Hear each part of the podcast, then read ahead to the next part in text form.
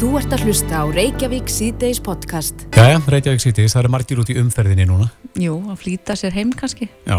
Flýta sér á mikið stundum. Ég veldi í stundum fyrir mér, hvað er það sem fær fólk til þess að breyta jafnvel um karakter undir stýri? Mm. Hefur þú spáðið þetta? Ég hef spáðið þetta. Að að fólk getur tekið ótrúlega hluti persónlega í umferðinni. Já.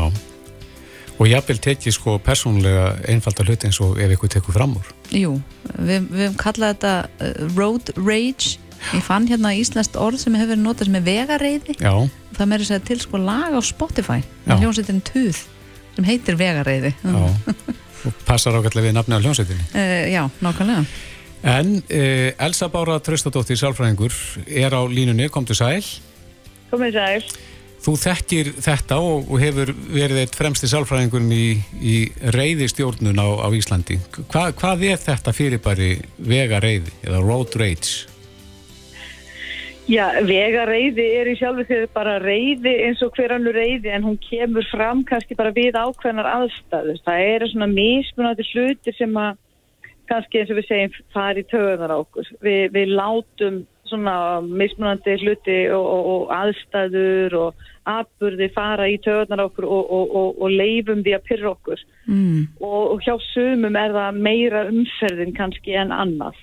En, en ertu þá kannski að segja að þeir sem eru kannski reyðir í sínu daglega lífi eða svona taka litlum hlutum mjög persónlega og verða mjög pyrraðir það séu þeir sem að gera stíkt þið sama í umferðinni og það getur mjög vel verið þannig mm -hmm. það eru náttúrulega þetta reyði á sér ímsæðar hérna byrtingamindir og, og fólk uh, getur líka tekið einhverju persónlega eggdægin sem að það kannski hefði ekki gert uh, daginn áður eða, eða fyrir mánuði síðan það, það getur líka verið ímsæðar aðri þetta sem hafa áhrif á það hvernig við bregðumst við um, svona óþægilegum aðstæðin eða, eða áreiti sem að við upplifum sem eitthvað svona sko trublun mm -hmm. þannig að, að, að ef að til dæmis maður er undir mjög miklu álægi mm -hmm. uh, það er kannski mikið, mikið álæg á því í þínu persónlega lífi eða í vinnunni eða eitthvað slíkt og, og svo bæti þarna á þarna þú þarft bara þarft að komast á ákveðinu tíma og sækja barn í leikskóla eða, eða, eða þarft að ná að útrétta ákveði mikið áður nú kemst heim úr vinnunni og, og, og það er hæg umferð eða, eða einhver skyndilega keirir í vegferðir þig þá, þá getur þú bara haft mjög mikla þóli, sko, hérna, litla þólimæði fyrir öllum svona frávikum. Af því að bara streitu stuðullin er orðin bara mjög hár. Þannig að, að fólk sem að bregst mjög ítla við í umferðinni er getur verið manneskja sem að kannski gera það ekki öllu jöfnu en er kannski undir mjög miklu álægi þessa dagana og bregst þessuna sérstaklega ítla við en svo er líka til fólk sem að bara lætur allt mögulegt farið töðna á sér mm -hmm. dagstæðilega og þá er umferðin engin undantekning. Næ, og bara einfaldur hlutur og sakleisislegu hlutur eins og að einhver takki fram úr manni? Já, e það getur bara verið að þú upplifir það sem bara, bara beinlinni sem sko bara árás á þig, þú bara sjáur þessa hegðun einhversu annars saklaus ökumann sem er bara líka flýta sér heima og sækja eitthvað til skóla eða eitthvað mm. uh, að, þú upplifir það hreinlega bara sem sko bara árás á þinn tíma og, og hérna og, og þitt erindi að þarna sé verið að, að, að sko trubla þig mm -hmm. og, og þessu getur við tekið kannski bara mjög óstýnd upp ef að, ef að fólk næri ekki alveg að hugsa rökriðt á þessu ögnablikki og bregst bara við aðstæðanum bara eins og það hefur verið ráðist á það. Mm. Ég veldi að mitt fyrir mér út og ég held að við flest kannumst nú kannski við að verða pyrruð í umferðinni með hún gengur hægt og maður þarf að komast eitthvað en hvenar er þetta orðið að sko vandamáli? Sest, Já, að maður hafi ekki stjórn á sér? Já, það er nefnilega góð spurning. Sko, ef, ef þú til dæmis ert í bíl uh, með börninni og þú bara hagar þér eins og bestja, þú ert bara stjórnu vittlu og blótar og og hérna og, og, og hagaði bara þannig að, að börnin eru hrætt eða hérna eða þú ert ekki í standi til þess að þeimlega einbeta þér að því hvað er að gerast í kringum þig. Eða þú ert þarna að elda eitthvað bíl af því þú ætlar aldrei þess að láta aukumannin heyra það. Þú veist þú ert þarna að koma þér í svona aðstæður þar sem að þú ert þarna að sko, meða fólki í kringum þig eða þú ert sjálf komin í bara mjög mikið uppnám og nærð ekki að að róa þið niður mm -hmm. eh, eða þú svona gerir eitthvað mjög óskinsamlegt og jáfnvel koma þér í hættulegar aðstæður þá þarftu virkilega að fara að skoða hvað, hvað er að gerast hérna og, og ætti ég kannski bara að fara að gera eitthvað í þessu. Já, en svo er annað sem að er, er þekkt fyrir bara og það má vel vera að það sé stutt á milli þarna eða eitthvað sama sem ert í milli, það eru aðeinar sem að breytum personuleika bara við að fara inn á fókbóltaföll í Old Boys eða, eða slíkt. Menn, dagfærsprúði menn sem að verða bara eins og villidýr á vellinu Já, það er alveg stókurslegt og þarna er bara eitthvað rosalega primitíft að gera þjá okkur. Og það er bara eins og, eins og það sé slögt á sko allir rökhugsun og skynnsenni og bara tilfinningarsluti heilans fái bara að ráða algjörlega bara frítt sko mm. og, og þarna höfum við sko þetta snýst svolítið um sko tilfinningastjórnun yfir höfuð að við erum komin í aðstæður þar sem eitthvað skiptir við gríðarlegu máli og sumt fólk bara brennur mjög heitt fyrir sínu liði og, og, og fyrir framustöðu síns fólks inn á vellinum mm -hmm.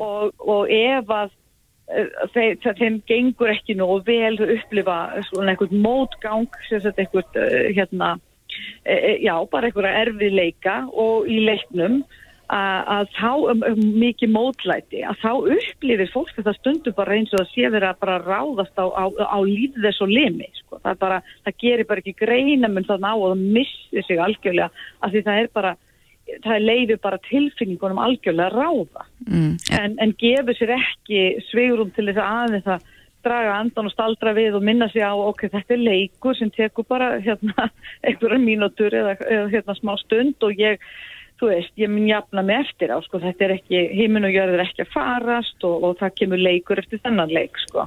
En það er svolítið munun á þeim sem missa stjórnina og þeim sem halda stjórnina, það er það að, að fólk sem að heldur stjórn, það minnir sig á að ok, ég, hérna, þú veist, þetta, er, þetta gengur ekki vel í dag og þetta, þetta er slæmu leikur en en við verðum að vinna þetta upp bara næst eða veist, mm -hmm. svo nýr þetta bara stundum. En, en er það semst bara meðfættur eiginleiki að geta stjórna þessu? Út af því að maður skilur stundum ekki af hverju sumir get ekki hamið sig en aðri geta það. Nei, þetta snýst líka mikið um bara hvaða þjálfun þú hefur fengið, hverja voru hérna fyrirmyndir hvernig, hvernig hagaði fólk sér í kringum þig uh, til dæmis á fólkváltalegjum eða í umferðinni. Hver, hverja voru þína fyrirmyndir? Var þér kent að það væri allt í lægi að, að öskra bílstjórun í næsta bíl eða að það væri bara uh, bara uh, algjörlega ásættanlegt og jáfnvel bara æskilegt og, og hérna og virðingavert, þú veist, að, að trillast á fókbólstaleg, sko, það, mm. það, líka, það hefur líka heilmikið að segja hvaða fyrirmyndir hafðu að veru og hvernig var þið kent að takast á við erfiða tilfinningar og til dæmis takast bara á við mótlæti. Ertu með öðrum orðum að segja alls að börn sem alast upp í aftursætunu við reyða bílstjóra eða foreldra undir stýri, að þau eru líkleri til þess að sína slíkar tilfinningar þá setna mér? Ég veit ekki hvort þau er endilega líkleri til þess en þau hafa allavega fengið þau skilabóð að þetta sé í lægi mm -hmm. sum þeirra kannski einmitt verða hrætt og líður illa og hugsa sko þetta vil ég ekki e, bjóða mínu fólki upp á. Og ég vil ekki börni mín sjáu mig svona því að ég var hrætt þegar, þegar að pappi var í umferðinni eða mamma var í umferðinni. Þannig ég ætla að passa mig. En, en það getur líka verið að fólk hugsi bara þess að svo hefur byrjuð en maður er ósáttur mm -hmm. það er bara allt í lagi að láta fólk bara heyra það mm. það, það, er, það er svona ákveðin fyrirmynd sem við höfum það fengið kannski Já, en eh, Elsa þú hefur verið í gegn tíðina með svona reyðistjórnar námskeið og maður hefur mm. séð það svona í bandarískum bíómyndum þegar fólk gerir eitthvað af sér og þá er það stundum sendt á svoleiðis námskeið er fólk Já. á Íslandi sendt á reyðistjórnar námskeið eða kemur það að fúsum og frálsum vilja? Nei, flestir koma nú að fúsum og frjálsum vilja en stundum hafa kannski einhverju sem að standa svona nærri fólki og hafa áhyggjur af því bent þeim á svona úrraði og stundum það gætu, já, það gætu verið vinir eða ættingjar eða eitthvað sem segir bara, þetta nú bara, veist, við viljum bara gera eitthvað í þessu því að við höfum bara áhyggjur að þetta getur ekki gengið svona mm -hmm. e, og stundum er það kannski hérna félagsmála yfirvöld eða barnavend eða eitthvað slíkt sem að bendi fólki á að hefðu þetta bara, nú þarfst þú út með alvarlega vanda og þú þarfst að vinna eitthvað með þessu til þess að hérna, geta, geta að lifa lífið þínu áfram eins og, eins og þú vilt, því að annars bara þurfum við að grípa eitthvað inn í. Geta dómarar dæmt fólk í, til þess að setja reyðistjórnuna námstíð? Ég held að sé ekki heimilt fyrir því í lögum hérna að dómarar geti dæmt fólk þannig. Þurfti mm. það að vera hægt? það, það væri til bóta fyrir marga að, að, að margir hefðu kannski meira gagna því að fá hjálp við að, að vinna úr tilfinningu sem þeir hafi ekki stjórn á frekar en að uh, sitja, já, sitja af sér einhverja daga eða borga einhverja sektir eða um, þú veist, e, e eitthvað sem að kannski já, kannski skilur ekki mikið eftir sig, annað en það að þetta var óþægilt og leðilegt og ég nenni helst ekki að lendi í þessu aftur, mm -hmm. en ég veit ekki hvað ég á að gera til þess að, til þess að takast á við þetta, því að ég, svona þegar ég byrjaði að vinna sér sálfræðingu þá var það í Danmarku og þá var ég með svona ofbeldis meðferða program inni í fangils þess að menn voru dæmtir fyrir ítrekkuð ofbeldisbrot og, og, og þeir hafðu, það voru margir óttin bara mjög freytir af því að vera alltaf að lendi í fangilsi en þeir hafðu ekkert lært mm -hmm. að hvernig þeir ættu að takast á við aðstæður þar sem að þeir hérna urði mjög reyðir eða tók ekkur personlega eða eitthvað slikt mm -hmm.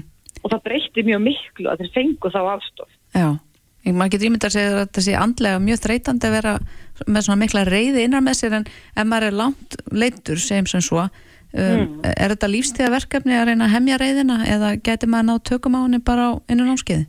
Nei, með, sko, með bara svolítið svona markvissi þjálfun og hjálp þá er hægt að ná tölvert betri stjórn en áður. En svo auðvitað heldur þarf maður að halda áfram, að við halda þeirri færðni. Þetta er svolítið eins og þú kaupið er kannski hérna, kosti rektina og, og, og það skilar árangri þegar þú ferð að mæta og þú finnur og þú verður, getur hlaupið lengur að liftingra eða jáfnvel missir eitthvað kíló eða eitthvað. En hérna en við þurfum að halda, við þurfum að viðhalda árangrinu með því að halda áfram að æfa okkur. Mm -hmm svo að, að hérna ef maður fer á námski og segir já það er búið sniðut að gera þetta og þetta. Ég stundum gert það en ég nenni ég ekkit alltaf, þá þetta skilur það ekki á fengur sko. en að fólk það svolítið að velja að tilenga sér breyta hegðun og flest gera það sem að kynnast þessum aðferðum það átt að segja á því að það, það er ekkert kannski svo, svo flóki fyrir mig að að hugsa þetta aðeins öðruvísi og að velja önnur viðbröðin ég hef gæst áður og, og mér líður jáfnvel betur og það hefur ekki einn slæmar afleðingar. Einmitt. Við sendum bara hlýja ströym út í umferðina, það eru vantala margir á ferðinu núna sem eru jafnvel að upplifa þessar tilfinningar og umferðin á eftir að þingjast núna í desembermáliði. Ágætt að hafa þetta í, í huga. Elsa Bára Tröstadóttir, sálfræðingur, kæra þakki fyrir þetta. Takk fyrir, gangið vel. Sömulegis, bless, bless. Takk, bless. Þú ert að hlusta á Reykjavík C-Days podcast. Já, þá vantar klukkuna 28 mínutur í 5 og það er að sjálfsögur leikur í gangi á HM. Mm -hmm. Það er Brasilia-Sviss og staðan er sem stendur 0-0. Já, og við erum náttúrulega með annað augað á uh, þessari kefni. Jú, sumir viðmælandur eru glæðið með það, það er ekki. það, það fer bara allt eftir því hvar maður stendur í fókbóltamegin í lífinu. Já. En uh, NATO hittist uh, núna kjálsverðu löngu í Madrid þar sem að uh, ofinbyrju var stísla um tækni þróun í hernaði. Mm -hmm. Þetta var ásvöndu þingsins, NATO þingsins og formadur Íslandsdeldar NATO þingsins er komin hingað með all tröstið Friðbergsson. Velkomin. Takk fyrir. Við lesum það í, í hérna, frett morgunblasins að það er kannski tækni þróun, já hún stjórnar hansi miklu nú þegar og kannski eftir að gera meiri framtíðinni.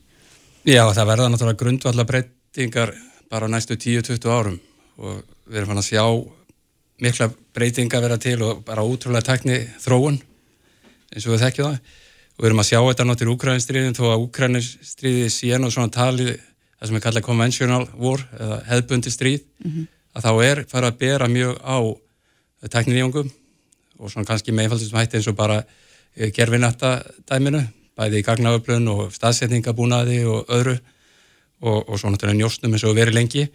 En, en við erum fann að sjá svona þessa dróna koma meira inn.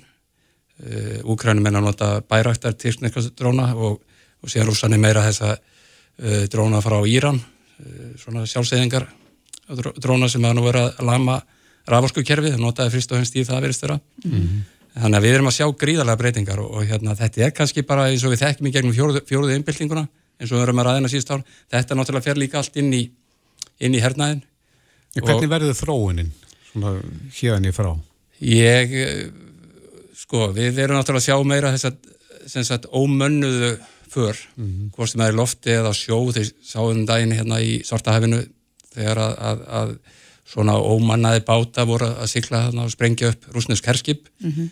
uh, við erum með kápbóta í, í sjónu litla, með þess að framleita hérna í Kópavunum sem eru ómannaðir og eru notaðir í, Í svona hernaði? já, þeir verða notaðir í hernaðar eitthvað tíum, tíumpunkti mm. þú veist ekki hugsaði þar þannig við erum að sjá bara meira að, og við náttúrulega sé þetta með Predator og þessar stóru dróna sem hafa verið í, í síðustu 20 árin taka þátt í hernaði með eldflögum annað að það hefur kannski verið að stjórna þessu langt, langt í burtu og þannig að maðurinn að mörgu leiti eh, er aðeins fjarlægari í svona nútíma, í mörg af þessu nútíma verkværin sem við erum að sjá.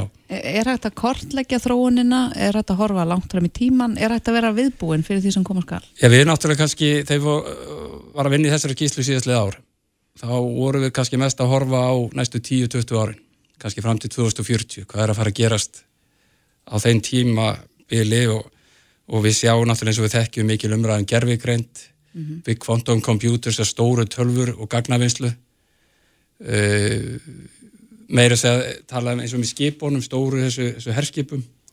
Þá er umlega bara þar að vera öflug linkur við land þar sem öflug gagna verður að reikna út þess að ef þetta væri borð í framtíðar herskipunum þá tækja það svo gríðarlega orku. Þannig að þið sjáið og það er líka hugsað á bara sér loslasmál líka að, að, en þetta er þetta er svona ótrúlega að hugsa hvað er verið að gera með það sem við sáum fyrir ekki mörgum árum og síðan þessa uh, hljóðfráu eða úldra hljóðfráu hérna uh, svona el, uh, flugskeiti sem eru kannski að fara á, á yfir, það, þegar það ná yfir fimmföldun hljóðhraða.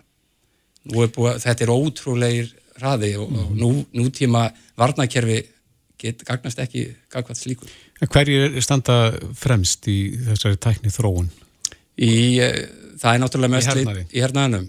Sko vegu NATO, NATO í dag eru umvegulega í tengdum uh, svona rannsóknum eru 6.000 vísindamenn tengdir þessu ríkjum og það er unni gríðarlega öllu starf en ef þetta er við svona þekkjum við sögulega bandarækja menn við þekkjum og kymverðinur hafa verið að koma mjög stert inn í þetta mm síðust árum og, og hérna þannig að þetta eru kannski svona sterkustu öflin í þessu öllu saman Og vantilega þá njóstnir í, í kringum þessar uppgötanar allar. Jú, jú. Menn eru vantilega að stela frá hverjum öðrum. Já, já, við hefum þekkt það frá tímum hérna Grikki á. í, í fornöld, það, það er alltaf verið að, það er alltaf verið í því. Og hérna, En, en þú, og það segir í þessari skýslu þetta að það þurfa að styrkja varni landsins. já, ekki, ekki Íslands kannski en, en það sem ég var spurður að blaða mann með bara með Ísland og það sem við kemur skýslunni og þá snýst náttúrulega að, þessu sem við höfum verið að ræða meir og meir síðustu ár og er kannski að koma inn í þjóðaríkistefnunum meiri öflugur hættið sem við erum að ræða bara þinginu á eftir að það er þessar netöryggisvarnir bara fjarskipta öryggi raforku öryggi og, og þessi öll bara hvernig þetta nútíma samfélag á að, á að standast þessar kröfur. Og það kemur beint inn í þessa skýslu hvað, ímislegt hvað þurfum að við huga þegar við erum að fást við þessar framtíðar ógnir og raunverulega eh, ef við tökum bara íslensku hvað þetta er mikið fyrir Ísland að vera þáttangandi í þessu samstæðan en að vera ekki einn utan gáta á svona tímum. Eh, En hvernig stendur Ísland bara í þessum stormi og að, að verja landið Þessum fyrir tíma? framförum, já. Ég held að það hef bara verið, sko, þó það sé ekki rætti beint í skýsluna, en, en, en hérna, við, við göngum inn í NATO í, skrifum upp á, þetta er samtíkt íslenska þingið 30. mass 49, 1949 og síðan er skrifið undir Vostunsáttmálan í byrjun júni 1949 í Washington DC. Ég held að þetta er gríðarlega gæfur spór fyrir Ísland að hafa komist það inn, inn í bandalæðið, svo gerum við vartansamliki 51 við bandarækjumenn og þetta er umverulega upp í staðan í vörnum Íslands í dag og hefur verið núna í rúm 70 ár og, og hérna okkar varnir hafa þá mjög tengst þessu. Svo gruna mig nú eh, mín tilfinning að þessi norranni vingil muni koma enn sterkar fram núna næstu árum og eins og í neturökismálunum og, og svona uh, við, ég er nú nýlega verið í Finnlandi og mikið rætt við normenn og, og, og fleiri og þessa þjóði taka þessu málum er gríðalálega. Það er náttúrulega vetrastriði í Finnlandi 39-40 og síðan það sem gerist í setni heistöldin í orði þannig að þeir taka þessu mjög alvarlega og Dani voru náttúrulega hersettir. Og hérna þannig að, að við eigum vonandi mjög gott samstarf í framtíðinni við normenn eða sem norrænum þjóðunar í þessu málum. Og ég held að það sé nú þessi stóra breyting sem við erum að kannski sjá á uh, Norrlanda þingja þessu ári. Það var að byrja að ræða í fyrsta skipti áratöðun saman í fyrsta skipti í mass uh, um varnar örgismál á Norrlanda þingi og núna aftur í Helsingi í síðasta mánuði. En hvað með viðveru varnalið sér á Íslandi? Varnalið er farið á nafninu til en þó að sé nú einhverju viðvera hér en, en e, svona meða við stöðuna í heiminum í dag mm -hmm. telur þú vera þörfa því að hér verði stöðu viðvera varnaliðs í einhverju myndi eins og það var? Sko, mér finnst mjög eðlilegt að þessi mál sé bara rætt og það er betra að ræða upp bara óperlega og fara í gegnum þetta í samfélaginu okkar að, að fara í gegnum plusa og mínusa við það. Veruleikinni sá að núna í þó nokkuð mörg ár þá hafa verið kapotaleita sveitir í, í keflaug mm -hmm. statt og stöðugt í svona 5-6 ár. Og við sjáum þá starfsemi bara, við sjáum við fréttum, við sjáum bara ferðum flugvellin hvað sem við verum að aukast með fjölda þessara vila og, og þetta hefur bara verið mikið um að vera aðnað síðustu ár og ég finnst það bara mjög eðlilegt í umræðu þegar við ætlum að ræða þjóðurökismál að, að við hljóttum að koma einhvern veginn að þeim punkti að við þurfum að ræða þetta eins og önnum, önnum mál sem stingjast þjóðraukinu. Mér finnst mjög eðlilegt að það sé rætt. Hva, hvað er þetta stór hópu sem hefur verið hér? Ég hugsa að það kom bara fram í 4-5-600 manna 4-5-600 manns mm. og ég hef meira á, á ákveðin tímum. Þannig að það hefur verið að byggja upp gisti plás, það er, það er svona framlega okkar íslendika inn í þetta. Mm. Á þessu hópur eftir að stakka? Já, mín tilfinning er að hann, hann ég veit ekki hvernig hann stækja endalega mikið meira en það sem orðið, hann er orðið mjög stór og, og, hérna, og fjöldi þessari vélag tölvöld mikill og síðan átturlega þessi loftrömmiskesla sem er kannski meira heldur en hún var í byrjun, hún er oftar ári og í lengri tíma í hver skipti. Eins og með minni þegar að hún byrjar að með minni 2007 þá var þetta kannski 3-4 ári þrjár vikur í hvert skipti. En nú sínist mér þetta að vera orðið kannski 4-5-6 ári já, 5-6 vikur mm. þannig í hver skipti þannig að Þannig að hópurinn kannski stækkar ekki en verkefni breytast eða hvað? Já, já, en náttúrulega kafbótarleita flug frá Íslandi hefur náttúrulega fekst bara frá, já, setna stríð og hérna við þekkjum Kjúik hliðið sem sagt, millir Skotland, eh, Íslands og, og Grænlands sem, var, sem var, hefur alltaf verið mjög hernaðlega mikilvægt og það var stunduð mjög mikið starfstæmi þegar herstuðin í Keflavík var í fullur ekstrið og það var kannski einn megin starfsemi þar var að fylgjast með kábótum í hafinu mm -hmm. í gegnum það og, og það, þannig að þessi uh, landfræðilega staði Íslands við þekkjum hann all mm -hmm. og það er gríðarlega mikilvægt fyrir allarsbandalegð og NATO að tryggja það sem við kalla transatlantic bond eða tengingun á milli uh, Ameríku og Evrópu og þeir flutninga fara mikið hérna um okkar bæði uh, í lofti og svo náttúrulega í, sjó, í, í hafinu mm. þannig að þetta er hætnaðarlega mikið á svæði Já.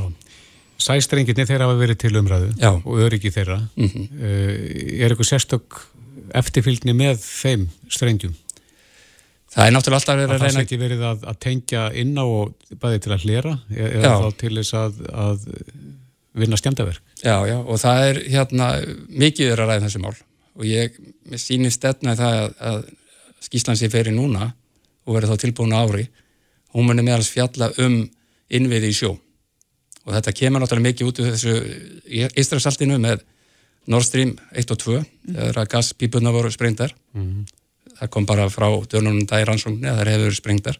Þó ekki tilkynnt hvað þjóður hefur gert það en þetta er greiðlega mikið eins og normenn hafa bent á að, að komið fram. Þeir eru með 9000 km af lögnum í hafinu í sinni gasvinnslu og, og, og olívinnslu 9000 km það er erfitt að verja þetta. Við treystum hérna fyrst og fremst á, á þrjá strengi og svo í fjóruða koma núna. Og, og hérna þannig að það blist á mjög fjarskiptaurikið en, en við þurfum virkilega að gæta þessu og það meðan kannski horfa mikið líka bara það sem að strenginum koma upp á land. En, en það þarf klálega að gæta og við höfum bara heyrt fréttir í haust. Til að stæmum við Svalbardða, með Svalbardða á Noregs, við Sjetlandsér uh, í miðrahafinu sunna, sunna við Frakland þar hafa verið að slitna strengir á þessu ári mm -hmm. eða bara í hust og, og menn svona er ekki alveg konið með á hreint hvað, hvað er í gangi. Þannig að það er mikið verk að verja uh, Gríðarlega mikið að og bara eins og strenginir og hvernig þetta virkar að, að, að gerfin þetta geta kannski sendt 25% af því sem að kaplanir í sjónum er að sinna. Þannig að fjarskipti og bara heimurinn stýstum þessi fjarskipti. Mm -hmm. og vegna er gríðarlega mikið að, að þetta gangi allt ja, vel fyrir sig þetta er gríðarlega mikið Já, svo við verðum ekki sambandslaus mm -hmm. Eh, Njál Trösti Fribertsson, þingmaður og formadur Íslandsdýttal NATO-þingsins, takk hjálpa fyrir spjallir Takk, takk Þetta er Reykjavík C-Days podcast. Reykjavík síðdeis heldur áfram. Í gær var uh, síðasti þátturinn í þessara þáttaröð um leitina upprununum. Mm -hmm. Það sem að uh, sískininn Harpa Sif og uh, Ívar Linur Ingarsson fóru til Sri Að leitað upprunanum mm -hmm. og uh, þetta eru átakalegi þættir, mikið af tilfinningum. Alveg magnaður þættir og Já. kannski þessi seri að einna mögnuðust. Mm -hmm. Það hún verist hafa flett af ímsu. Já, Harpa Sif fann uh, bæði móðu sína á föður en uh, hann Ívar Linur hann lendi á, þarna á pínu vegg Re reyndar fann hann fæðingastæðin sinn spítalan sem hann fættist á en þau eru komin hingað Ívar Linur Ingarsson og Ása Ninsnatti Magnúsdóttir ef ég ber þetta rétt fram, velkomin. Nýsjanti. velkomin Takk fyrir það. Um, ég talaði einnig með kynningunni að þessi þættir hefði nú núna kannski flett ofan af ímsu. Gætið þið bara fyrir hlustendur sem að vita ekkert um málið. Svona farið yfir það í stuttu máli. Hvað við erum búin að fá að sjá í leitinu upprunanum núna undarfarið og hefur verið í umræðinu reyndar. Það sem er búið að vera í umræðinu er náttúrulega bara upp hefur komið bara fölsun á skjölunum okkar að við bara eins og bara í þáttunum að kemur um eitt í ljós að blóðmáðu mín er ekki blóðmáðu mín heldur hörpu sem, og sem sýnir það að af hverju var ekki farið í gegnum þessi skjöl á þeim tíma og svona og við viljum bara fá svör Og fyrir utan náttúrulega bæði Íslands stjórnvöld og stjórnvöld í Sri Lanka. Það er náttúrulega, eins og kom fram í þættum gær hjá mér til dæmis, þá kemur það að ljósa ég fættur á þessa spítala, en það er einhverju barnamangari sem tekur mig af spítalunum. Þannig að ég get ekki gert grein fyrir hvar ég var fyrstu fjóra vikur í lífminu eða hver var með mig eða hver mætti með mig í dómsalinn. Það er ekkert vitað og þetta er bara svakalegt hvernig þetta allt er. Þetta er lagst misvel í okkur öll sem erum ætlet og eins og segi, eins og ég ásæði erum bara á því, við viljum bara fá svör. En, en þegar þið farið í þessa vegferð að fara í þennan sjómastátt, leitinu upprunanum, hverja voru svona ykkar væntingar? Mína væntingar, ef ég byrja, uh, ég er náttúrulega fór fyrst og fremst bara, bara stöðningu fyrir Harpa sýstir. Harpa var náttúrulega búin að finna blóð með mömmu sína og blóð pappa og búin að fara í DNA. Þannig að þetta var alltaf hreinu með hana og það var vita mál að hún væri að fara að hitta. Ég er náttúrulega kem inn í þetta, veist, ég, er, ég og Harpa komum á sama tíma til Íslands og bara höfðust upp eins og tvíbra sískinni, þótt að séu 13 dagar á millökar, við erum ekki blóðskild og þá náttúrulega fyrir Ári og Sigrun í það bara hvort það væri möguleik að finna eitthvað hjá mér. Og mínu upplifun að hafa farið hana er náttúrulega magna að geta hafa staðið með systeminu og verið með henni innan handar. En að saman móti var þetta mjög erfitt fyrir mig persónulega að sjá hana upplega draum sinn og ég er að sjá eitthvað sem ég er búin að dreyma dreyma um og svona vera á kantinum einhvern veginn, það er ekkert að fara að gerast hjá mér síðan náttúrulega kemur ljósa pappirinn mínina eru falsaðar og það er margt rámt sem hefur verið staðið á mínum málum og fleirum En, en hjá þér ása, hverja voru svona væntingarna þínar? Þegar þú fóst í þe- þessa vegferð? Já, ég veit ekki, bara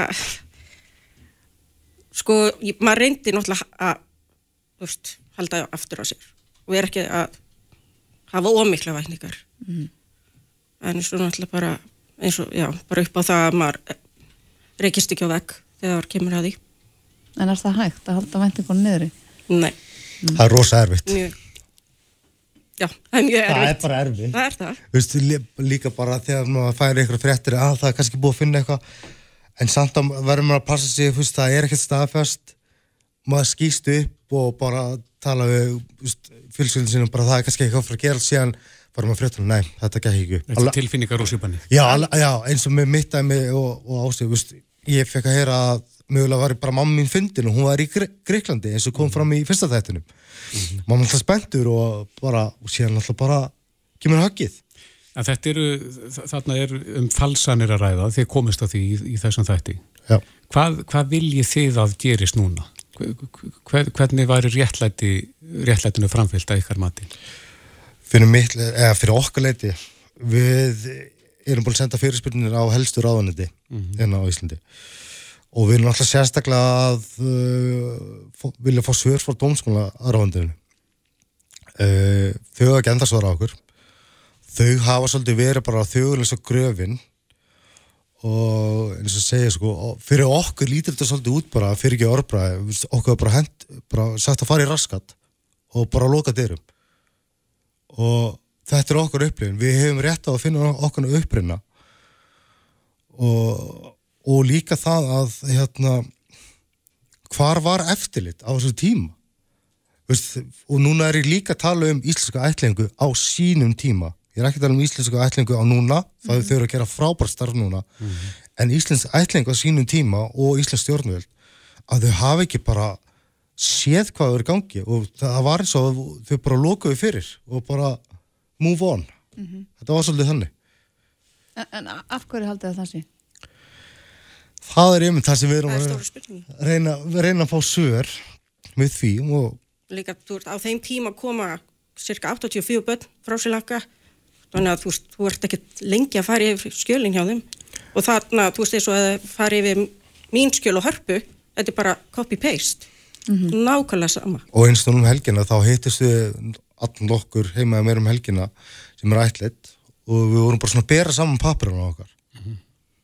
við erum ekki sérfræðingar en þarna sáum við strax, þarna var margt í papirinn hjá okkur öllum sem er bara nákvæmlega eins, orðrétt sama reytönd, bara eins og þess að vera að fara eftir handriti mm -hmm. En eru þá alls sund lokuð fyrir ykkur? Er, er, er einhver úrræði til þess að finna fóröldarna eða fjölskyldur? Mér sko hæpið, ég, ég er náttúrulega fann í gerðum DNA-grunin, þá náttúrulega fann ég eina íslenska stelpu sem býr undir Erlendis núna mm. og ég finna hann að frenda minn sem ég fór til fyrir nokkru vikið síðan til Hollands þannig að það fyrir, í mínu máli þá er það eini, eina voni mín eða þó ári séðan þá er vinni í mínu máli en Er það í gegnum MyHeritage grunninn? Já, hann er Family Tree. Mm -hmm. En, hjá þér ár? Ég fann allavega frængu, það kom í ljósa ég og Harpa erum frængur mm -hmm. í fjórðalli, þannig að já, en samt sem áður, þetta var... En, sko, já. ég, ég í minni fórhættastöðu get ekki ímynda mér hvernig það er að geta ekki fundið uppbrunna sinn og ég held að mjög margir sem er hlusta finnist það bara frekar sjálfsagt að vita hvaða maður kemur. Mm -hmm. Já, alveg eins og við e, já, bara eins og, veist, eins og með sjúkarsuguna mm -hmm. þú veist. Nú ég, hef ég fengið krabba megin og þú veist, ég veit ekki hvort það hefur verið krabba megin í fjölskyldunni. Þú veist, ég hef ekkert. Sama þegar maður eignast sitt fyrsta barn þá er alltaf spurt veist, er þetta, þessi sjúkdómir í fjölskyldinu og svo leiðis mm -hmm. og alveg það sem við lendum í bæðið hún krakkar og ennþá daginn dag veist fólk uh, lappar upp á okkur eða heyra okkur tala íslensku, bara ha, eru þið íslensk? Hverra manna eru þið? Mm. Vist, ma, ma, og þið svona fara yfir personality space okkar eitthvað sem fólk sem og, þið hérna sem, sem eru bara fætt á Íslandu eru hvít og tala íslensku fólk er ekkert að lappa upp á ykkur og hérna ha, fólk að tala góða íslensku og hverra manna er þið við erum, vi erum alltaf einhvern veginn að að réttlæta okkur að við séum íslendikar ég er fjárafannið þegar ég kemur og ása skilju mm. við erum bara íslendikar í hú, hú, veist, ekki í húða hár, kannski beint alveg en við bara, hefum búin alltaf okkur líf en við erum ennþá samt í dag að þurfa að útskýra okkur mm -hmm. En uh, viljið því að Íslenska ríti koma inn og aðstóði við í leitina? Er, er það klárlega nefnilega Íslenska ríkið hefur eins og hefur komið ljós þau, þau er ekki að gefa neitt út og og þessi yfirlýsing frá þeim sem við gáðum núna bara rétt fyrir helgi. Mm -hmm. Vist, maður lesi yfir þessi yfirlýsingu og þetta, þetta er svo mikið svona sandkassalíkur þarna eru þau eitthvað að kenna uh, reyna að setja sögunni á íslenska ætlingu og maður svona les inn í þetta eins og þau séu svona pínu að bara beita sér í að pínu bara að reyna að þakka niður og hvort sem að ég sé að fara valda ykkur uppnámi núna eða ekki þá get ég alveg sagt það að uh, þau eiga fund núna 5. desember með hérna íslenska ætlingum dónsmála ráðandið mm -hmm. mér finnst ansi harkalegt ef það er rétt að hérna þau með ekkert sjá sig finna eftir fundin út af því að og Með, það, Er það, er það, það staðan í dag að með, það, það er það, það verðist vera staðanda, það er málfrælsiðin á Íslandi og fólk á að geta að tjá sig um allan, allt myndi heimis og jarðar. Fyrir mér er þetta svona enn eitt dæmið um það er eitthvað óhrind pókumul í. Það er eitthvað, Vist, af, af hverju er ekki búin að svara Já, brefnu sem Já. ástasendi fyrir okkur á hönd. Það er búið að svara því þau geta greinlega að svara fjölmeilum, Já, en okkur ekki okkur. Þau svara fjölmjölum en ekki, ekki okkur og það er, þetta mál snýst um okkur. þetta bref sem að þú sendir ása, hvað, hvaða svör vildur þú fá? Bara, ég vildi bara fá réttlæti og, bara fyrir okkur sem eru ættlætt Mhm. og bara ég vildi með, þú veist, af, fá svör, þú veist, af hverju var ekki staðið betur að þessu á, ok, eða, þú veist, á sínum tíma. En ég verð nú að segja að ég og kannski fleiri höfum á tilfinninguna að hér sé verið að opna dyrað einhverju, einhverju stærra. Já, Hafið þið þá tilfinningu Al, líka? alveg klárlega sko, nefnilega fyrir mér er þetta svolítið borðarlegjandi bara hvernig við, þessi gögn sem við erum með og þessi svör sem við höfum augljóslega ekki fengið frá þeim sérstaklega. Vist, þau eru ekki búin að hafa sambandi við okkur. Þau hafa alveg séð okkur inn í fjölmjölum og vitarlega vist, þetta mál er, við erum að opna fyrir þetta mál. Mér finnst það bara lámark kurtisar fyrir íslenska þegna sem hafa, sem hafa lendið í þessu að bara hafið samband til okkur mm. skilu, dónsmálar á þeirra hérna hann, hann ég veit að það er margt á hans kunni þessa dagana og margir að sækja í, og sækja á dónsmálaránundið en þú vart að svara fyrir. Þótt að sé ykkur í fyririnnar sem voru fyrir hans tíð, skilu hann tilir þessu, þessu ráðniti og, þetta, og þetta mál tilir þeim og með, ég bara skora á hann að uh, hitta okkur og spjalla við okkur, hvort sem það er í viðtælum eða á einhver fundi, bara að það sé gert. Því við erum, ekki, við erum bara nýbyrjuð, við ætlum ekki að hætta. Það er ekkert Við að erum að frá... fá um svör. Hafið, hafið fengið mikil viðbröð við þáttunum og þessari, þessari vegferð ykkar? Já, Já.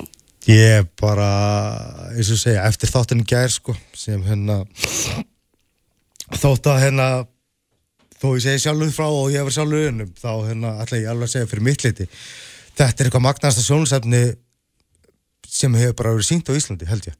Bara ekki, ekki það út af, ég er að segja þetta frá minni hlið, sko, en bara frá fólki sem ég hef heyrt frá og sendið mér skilabóð og vídeo á sig, bara við þurfum hágrandi og bara sk- skil, segja skilja hvernig okkur líður, en samt ekki skilja hvernig okkur líður. Nefnilega þetta er, maður getur ekki sett sér í þessu spil Nei, þetta er, uh, veist, ég, ég horfði á þáttin með, með kæristu minni og mömmu og, og mannum hennar og öllum börnunum mínum, veist, ég hágriðt ekki líka í gæður og börnum mín líka, skilju, og ég get ekki svara fyrir, veist, börnum mín spyrja mig að hlutum tengt Sri Lanka og ég hef ekki svör. Nákvæmlega. En þið viljið svör og þið viljið heyra frá dómsmálar á þeirra og uh, kalla eftir fundi með honum. Já, Klálega. Ívar Linur Ingarsson og Ása Nisanti, uh, Magnúsdóttir, kæra þakki fyrir komin og gangi ykkur vel í þessari vegferð ykkar. Takk fyrir. takk fyrir. Þetta er Reykjavík C-Days podcast. En við spörðum núna, uh, síðasta sólarengin, sendir þú jólakort? og það voru hátt í 2000 mann sem að svöruðu þessar spurningu hjá okkur síðasta sólarengin. Hvað myndir nú halda margir sendi jólakort? með að við hvað ég fæ fá og fækkar alltaf frá ári til árs þá myndi ég segja að það veri minni hluti sem sendir jólakort, svona það, 35% kannski Já, ég ætla að fara í 27%. 13. 13 En er inn, er inn í þessu stafræn jólakort, jólakveður á Facebook fyrir massan Nei, ég er ekki, ég myndi stilja þessa spurningu sko, bara jólakort. Í umslagi. Í umslagi. Já, með frímerki og- Já. já. Mhm. Jólakveðja er, er allt annað, svona þessar jólakveðjur afrænu. Já, já, já, Ég held að fólk stilja þetta almennt svona miða við þessa niðurstöðu. já, Að, hérna, en ef við hefðum spurt kannski fyrir svona 10, 15, 20 árnu síðan, Já, þá spurning já. hvort að þetta hefði verið öfugt. Ég held að svarið hefði verið já í svona 85% Já, ég hugsa það líka. En uh, ég ætla að vara við því að nú ætla ég að segja stöðu í leik, leiknum á HM sem verið í gangi. Já, þeir sem ætla að horfa á leikin á eftir, þeir ættu að lækka örlíti núna bara í nokkra sekundur. Já, 5, 4, 3, 2, 1 og staðan er ennþá 0-0, Brasília Sviss. Já. Kemur óvart. Einmitt, en uh, talandi um spurningu dagsins, við ætlum að spyrja næsta sólengin hvort að fólk uh, finni oft verið reyði í umferðinni. Já, það var það sem við rættum um í upphafið þáttar. Mhm. Uh, við ætlum reyndar að tala um annan ánga eða kannski já, tengist að einhverju leiti. Á línunni er Anna Linda Bjarnadóttir. Hún er annar stopnandi jafningahópsins á Batavegi og hún stendur fyrir ákveðnum viðburði í Garðakirkju klukkan hálf átta í kvöld. Góðan blessaðan daginn, Anna Linda. Já, sæl. Um, segð okkur aðeins, hvað ert að fara að sísla þarna í Garðakirkju í kvöld? Uh, ég ætla í kvöld að standa fyrir viðburði til þess að minnast þess að þá eru liðin tvö ár sem ég varð fyrir hræðilegu umfæðslýsi á Arnanesbrú Mhm. sem setti allt mitt líf á kvolf og tilgangurinn með þessu er að fá kannski fólk til að taka alvarlega að vera í umferðinni segja frá afleðingunum sem það hefur fyrir tjónfóla að verða fyrir alvarlega umferðarslýsi og segast hann ekki síst að e, kannski að fá fólk til að hugsa sér tvisvarum áður en það fer ölvað út í umferðina. Uh, en segð okkur aðeins af þessum, þessum hópi á Batavík, hvaða, hvaða hópur er þetta? Uh, þetta er hópur sem ég stopnaði á samt öðrum tjónfóla eftir alvarlegt umferðarslýs og það var hérna kýrópraktorinn okkar sem leitt okkur saman og við uh, hérna hittumst og komumst í samband meðal annars við það að já, hvað minna þessa áreikstra líka fyrir árið síðan með því að tendra kertaljós á Arnarnesbrú. Eitt kerti fyrir hvert tjónþóla og þá ákvaðum við í framhaldinu að stopna saman hópin á Batavegi og nafngiftin er ekki alveg út í loftið því að Batavegur er eini vegurinn þar sem við erum örugar og svo hefur þessum hóp vaksið fiskur um sig og okkur fannst báðum að það vantaði sálega stuðning fyrir tjónþóla í þessum sporum og ekki síst vegna þess að það er ekkert net sem grýpur þólendur umferðarslýsa eins og til dæmis er gert fyrir fólk sem greinist með alvarlega sjúkdóma á borði krabbamenn. Ég, ég sé líka á dagskráðu kvöld er erendum vanngreining og áverkum kvenna eftir uh, bílslis. Já, eini hópnum, ég er hjúgrunafræðingur og hún er þólandi tveggja alvarlegra umferðarslýsa og gaf út bók í fyrra um sína áreikstra og hún hefur verið að benda á þetta, sko, vangreiningu á áverkum en engum á konum. Það er virðast, konur virðast fara verð út úr umferðarslýsum heldur en karlmenn. Hvernig þá? Sko, eh, karlmenn er náttúrulega starri og oftar en ekki sterkari með sterkara stóðkerfi og höggið virðist bara koma, eða þeir virðast bara einfalda að fóla þessi högg betur heldur en konur. Og það eru rannsóknir sem styðja við það. Og svankvít mun upplýsa um þetta í kvöld. E eru þá afleðingar bílslis að koma kannski setna í ljós hjá konum? Já, áverkarnir og það er nú tvö ár síðan ég var fyrir þessu hræðilega slísi og, og það eru enn að koma fram afleðingar.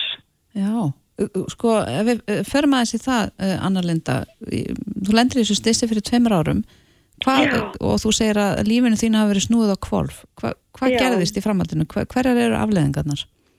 Uh, afleðingarnar eru til dæmis að ég fekk mjög alvarlegt höfuðhögg og það hefur verið að, að hér, það er annað hamla mér, það hamla mér í því að ég er í skerstu starfslutfalli því ég hef glimt við mikla hugranna þreitu eða svona heila þreitu og sjóntrublanir og höfuverki sem geta verið mjög slæ, það slæmir að ég get ekkert gert þegar það hellast yfir. Uh, vinstri hlið líkamanns hún skektist eins og til dæmis neðstu hryggjarliðir og mjadmagrind og axlargrind. Ég fekk líka mjög hérna, slæma áverka á bringubein og liðböndin í kringum það losnuðu sem ótlum mér miklu sársöka við öndun. Ég fekk tognun frá hálsinir á mjóbaki. Og svo voru líka svona taugaverkjur og elglaðingar Já. En, og já, fyrirgeðu, svo eh, eitthvað nefn Já, einmitt, þetta er nú aldrei stór pakki að díla við, en, en svona í framhaldinu, þú lendir þessu slisi, eh, hver er stuðningurinn, hvað gerist svo? Er, er maður leittur áfram í þessu ferli að fá sjúkraþjálfara og þar framhættu göttunum? um, það gerist bókstaflega ekkert í þessu ferli nema tjónþólinn sjálfur berist eftir björginni Mhm. og það, hérna, það er þá kannski fyrst að skrifið að leita bráðamóttöku og svo í framhaldinu af því að leita þá á heilsugjastluna og móttökurna þar hafa tölvert að segja um framhaldið eins og að benda á viðegandi meðferðir og slíkt. En það er alls ekki nóg að fara í sjúkraþjálfun og ég til dæmis sjálf fór að lesa eins og ég hafði orku til kynna mér áverkana, skoða á netinu, skoða líka myndbönd á YouTube og fleira og þessi lestur og hafa skoðað þessi myndbönd og sérstaklega hérna frá fyrirtækinu Spænk hér í Breitlandi leittu mig á slóðir kýropraktikur og þó að ég hef verið búin að hitta þrjá lækna og farið í myndgreiningu þá sá ekkert af þessu fólki til dæmis að vinstri hljóðu líkamans hefði skegst og það var kýropraktor sem kom auga eða fann orsökina fyrir þessu miklu verkum í mjóbaki og mjöðum og það var vegna þess að næstu ríkjaliðir hefði skegst og mjöðmastaðins nýri út og það tók hann 43 skipti að nikka beinigrindina tilbaka. Já, þannig að þú ert búin að fá e- einhverja bót meinaðina varandi það. Já, hann lagaði alveg mjóbakið og gerði mikið fyrir mjöðmina en, en svo náttúrulega teku við mjúkvefja lósun sem ég er, ég er með frábæran sjúkraþjálfara sem er að hjálpa mér með það en mér líður miklu betur og það hafa alveg orðið mikla framfærir en það eru ennþá áverkar eða enkenni sem hafa ekki gengið tilbaka en, en það er mjög miklu haldið niðri eða dreyið úr með því að vera í stanslausu meðferðum. Já, en Anna Linda, þið stopnuðu þennan hóp á Batavegi. Er, er það styrkur að hitta annað fólk sem er í sveipuðum spórum og, og tala saman? Það er mjög mikill styrkur og í rauninni sá mestu stuðningur, andlegi stuðningur sem maður getur fengið því að þetta fólk hefur líka skilningin á þessari stöðu. Mhm. Og svo eru líka allir að grúska, það eru allir að prófa mismunandi meðferðaraðila og deila þá þeirri reynslu. Við látum alltaf vita að meðferðaraðilum sem, sem skila árangri Mhm. og erum líka að leita að rannsóknum og, og fleiru og þetta, sko, í stað þess að hver og eitt sé að finna upp hjólið að þá ke- kemur þarna upp svona ákveðin kannski gagnagrunnur. Mhm. Einmitt, já, við, við bara vekjum aðtekla á þessum viðbyrði sem þeir eru með í Garðakirkju klukkan halv átta í kvöld og ég býst nú við því að þetta séu ekki endalok á batavegi, ég býst nú við því að þeir verði með fleiri viðbyrði, eða hvað? Já, við hérna erum að stöðut að verða öflugri, stöðut að fá meiri þekkingu sjálfar og við ætlum að gera mjög meira í þessum hópi og stefnum að því að byggja hann enn frekar upp. Og að kannski að þrýsta á um, umbætur fyrir tjónþóla, bæði bætta réttarstöðu uh, að það veri komið á kannski sérhæfðum teimum sem takja á móti tjónþólum og bara að, að, að hvað ég að segja, að þessi hópur fái meiri aðtikli, fái líka meiri aðstóð til að komast upp úr þessum farvegi. Já, við hvetjum fólk sem er í sveipuðum spórum og þú að, að kíkja við e, þannig Garðakirkju klukkan 19.30 í kvöld og e, hitta hópin á Batavegi, Anna Linda Bjarnadóttir. Kæra þakki fyrir spjallu og gangi ykkur vel. Já, takk kærlega fyrir. Bless, bless. Bless. Reykjavík síðdeis á Bilginni podcast. En uh, við rákumst á uh, áhugaverða frétt á fréttablaðinu, í fréttablaðinu fyrir helgi um nýja rannsók sem uh, bendir til þess að uh, mentunastig hafi verilega áhrif á lífslíkur Íslendinga einhverjum kvenna. Mm -hmm. Er svolítið merkilegt. Hvað ætlaði valdi því? Já, Tóra Spilund, líftölfræðingur er komið til okkar, velkomin. Takk fyrir. Vita með það, hvað veldur því að ómentaðar konur sérstaklega lífa skemur heldur en mentaðar? Það er svo margt uh, sem kemur inn í en maður dettur auðvitað hugs fyrst, þið veitir, lífstílinn og, Mhm. og annað slíkt uh, sem fylgir en, en þá er líka rannsókn sem benda á að það er líka bara mentunin sjálf sem slík. Mm. Þannig að þú bara ferð og menta þig og þá eru við að hugsa þetta, ég meina, er þetta ekki bara að því þú mentar þig meira þá farið aðeins meiri pening Mhm. Það er líka, skiljiði, það eru margar skýringar Mhm. en, a, en atriðið er að það er eitthvað í mentinu líka sem bara hjálpar okkur til að takast á við lífið Mm. þannig að mentunin sjálf Hvað gæti það verið? það er bara þessi færðin einhvern veginn bara þú veist, færðin í daglegs lífs uh, og svo framvegs þannig að Gæti það hjálpa fólki að taka kannski en að gæsa bara réttari ákvarðanir varandi lífsitt? til dæmis, það er svo margt í þessu Færni til að vinna í hóp, færni til að vinna undir álægi Já, færðin til að takast á við uh, mótstreymi í lífinu uh, læra á stressið En ég velti fyrir mér satt hvort að svona snemma á lífsleginni ef maður fer ekki menta veginn og fer þá beint út á vinnumarkaðin, hvort maður læri það ekki líka á, inn á vinnumarkaðin eða er það öðruvísi? það er eitthvað öðruvísi og það er auðvitað breytt í þessu og erum að munna þetta eru meðaltöl þetta er meðalæfilengt og ég vil kannski útskýra aðeins að þess, við vorum að skoða sérstaklega bara almennt tíði á stór höfuborgarsvæðinu í hjartavend og vorum að fylgja þeim eftir og sáum að þeir sem voru meira mentaðir sluppu meira við að fá hjartasjúkdóma. Og þá skoðuðu við dánartíðnina og þeir voru líka með minni dánartíðni. En að því að þetta er hópur sem er verið að fylgja eftir uh, sem mætti þarna millir 2006 og 11 þá eru stutt skiljiði að, að ráða í hvað er lifa lengi. Þá erum við að leita annað og þá sjáum við á hagstofunni að þau eru þetta um hald utan um hvað íslendingar lifa lengi. Þannig að þessi gögg sem við erum að benda á til stuðnings niðurstöðunum okkar í hjartavend koma frá hagstofunni og gilda bara um alla þjóðina. Þau skrá þennan mentunastig svo rekna þeir út jafnóðum með hverju ári meðalæfilengdina og þessi munur sést og það sem er málið það munar alveg líka í köllum sko. En, ka- en, en mentunarhópa kalla eru allir að mjakast aðeins upp á við. En það er aðeins öðruvís í konum. Uh, minnumentuðu konunar eru heldur að fara að tapa meðalæfilengd meðan meiri mentuðu konunar eru að vaksa Mm. þannig að það var það sem vorum að benda á. Einhvern veginn þó að bilið sko séu jafnvel aðeins meira hjá köllum þá er þessi þessi, þessi, þessi hvað var að segja staðreind með konurnar að, að það verður lækkun og mér finnst það eiginlega sko alvarleira kannski jafnvel heldur en að þú veist, þó- að já, ég, mér finnst það svo eitthvað svo umhersunavert mm -hmm. skilju, akkur ættu þessi hópur að, að vera að tapa meðalengt, efilengt, þegar við erum öll að hugsa Þú veist, við erum alltaf að hugsa, já, Íslandingar eru alltaf að aukast með, meðalæfinlengt og við erum alltaf að bera okkur saman aðra og við erum næstu því best í heimi en ekki alveg en, en svo eru hópur hvenna hérna sem kannski situr eftir. Sem er ómentaða konur. Já.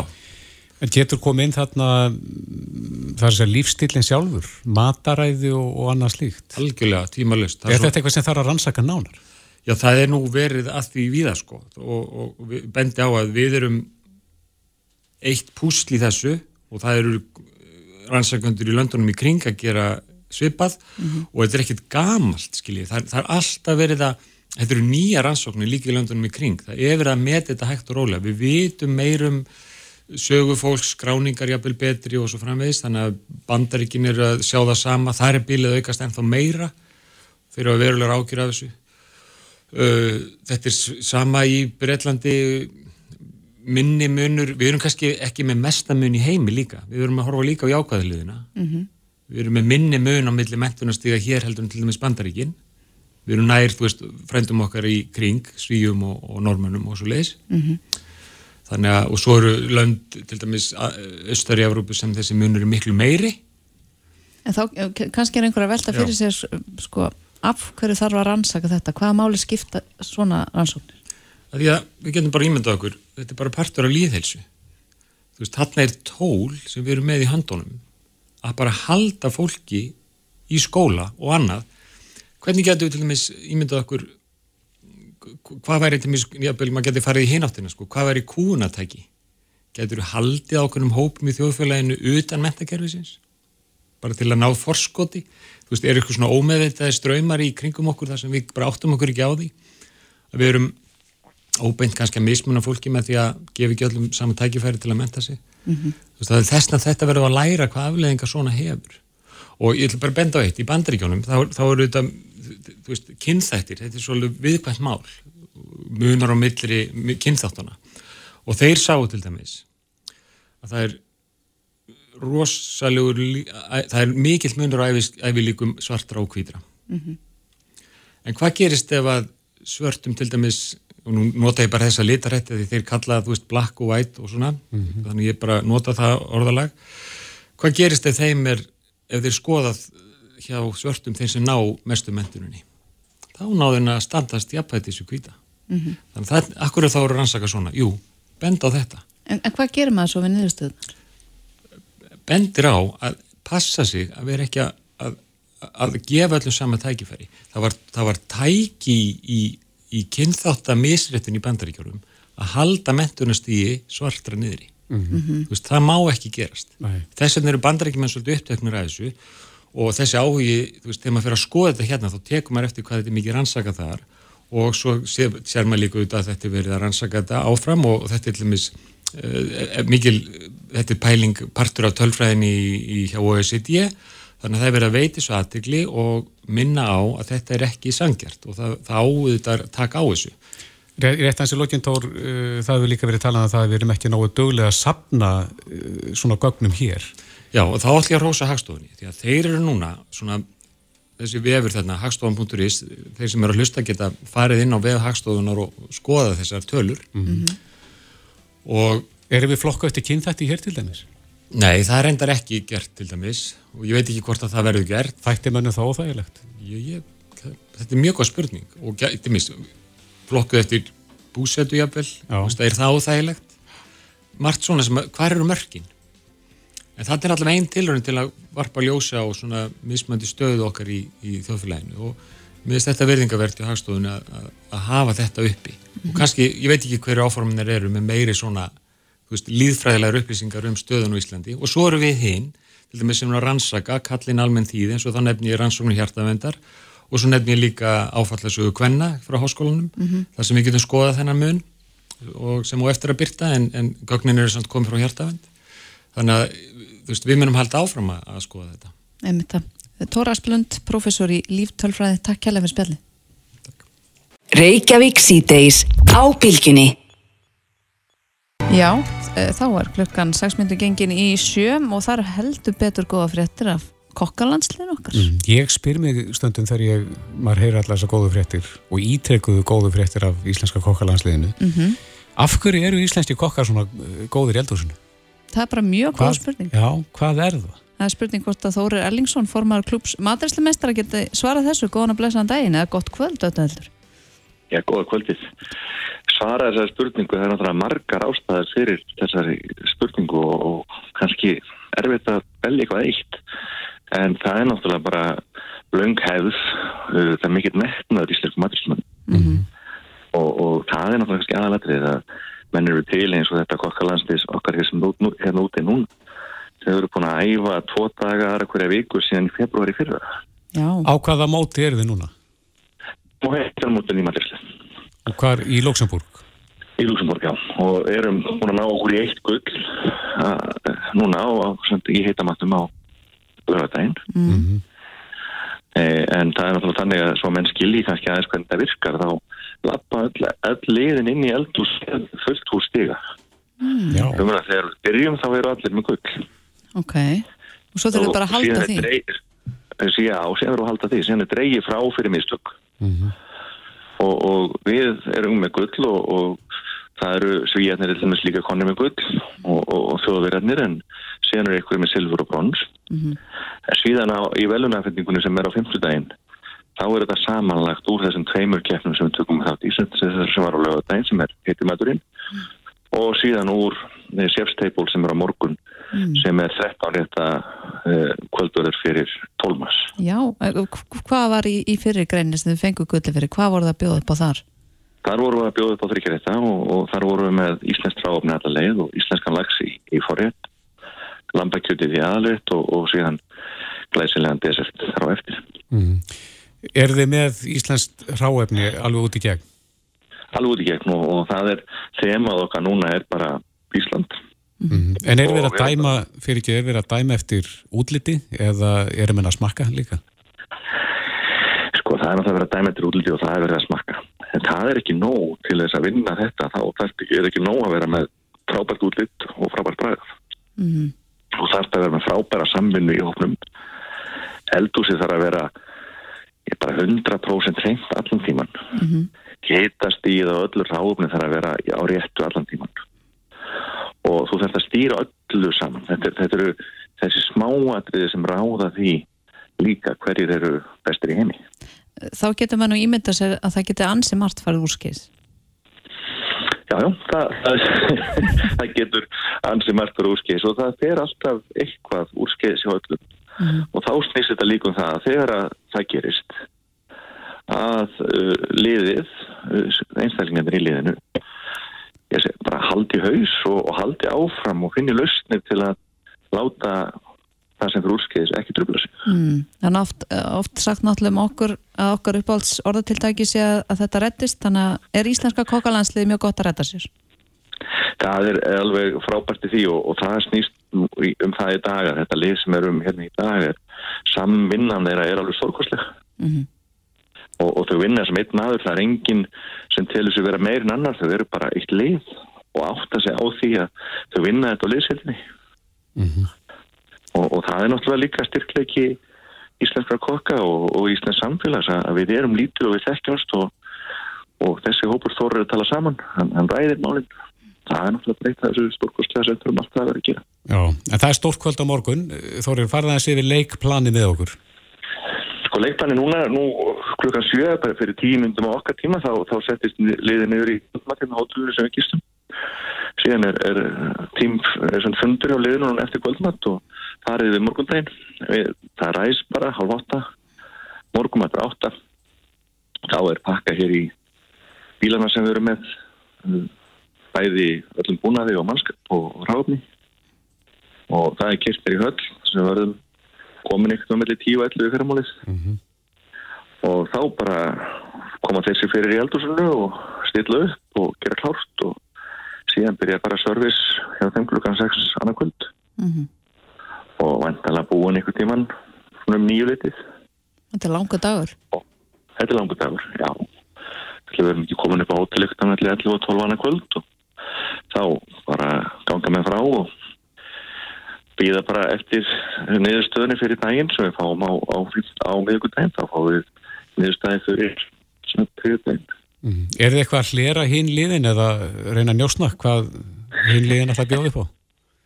Já, já, við, sem, menn vita það svo nokkur neginn núna hvað menn eru að bjóða upp á en, en síðasta árið þá er menn búin að halda þessu alveg fyrir sig og á æfingum með landsliðinu þá var menn haldið myndum fyrir sig, menn hafa ekki fengið að sjá myndir af réttunum. Mm. Þessu má ekki posta þessu neistadar og núna er þetta náttúrulega sem komið allt út í út á samfélagsmiðlana og til að draða myndirnar af réttum og slíku og en til dæmis Norðurlöndin ræða bara mjög mikið saman við sem erum í daglandin á Norðurlöndin við ræðum mjög mikið saman um hvernig við getum hjálpa hvort öðru í að verða betri Mhm.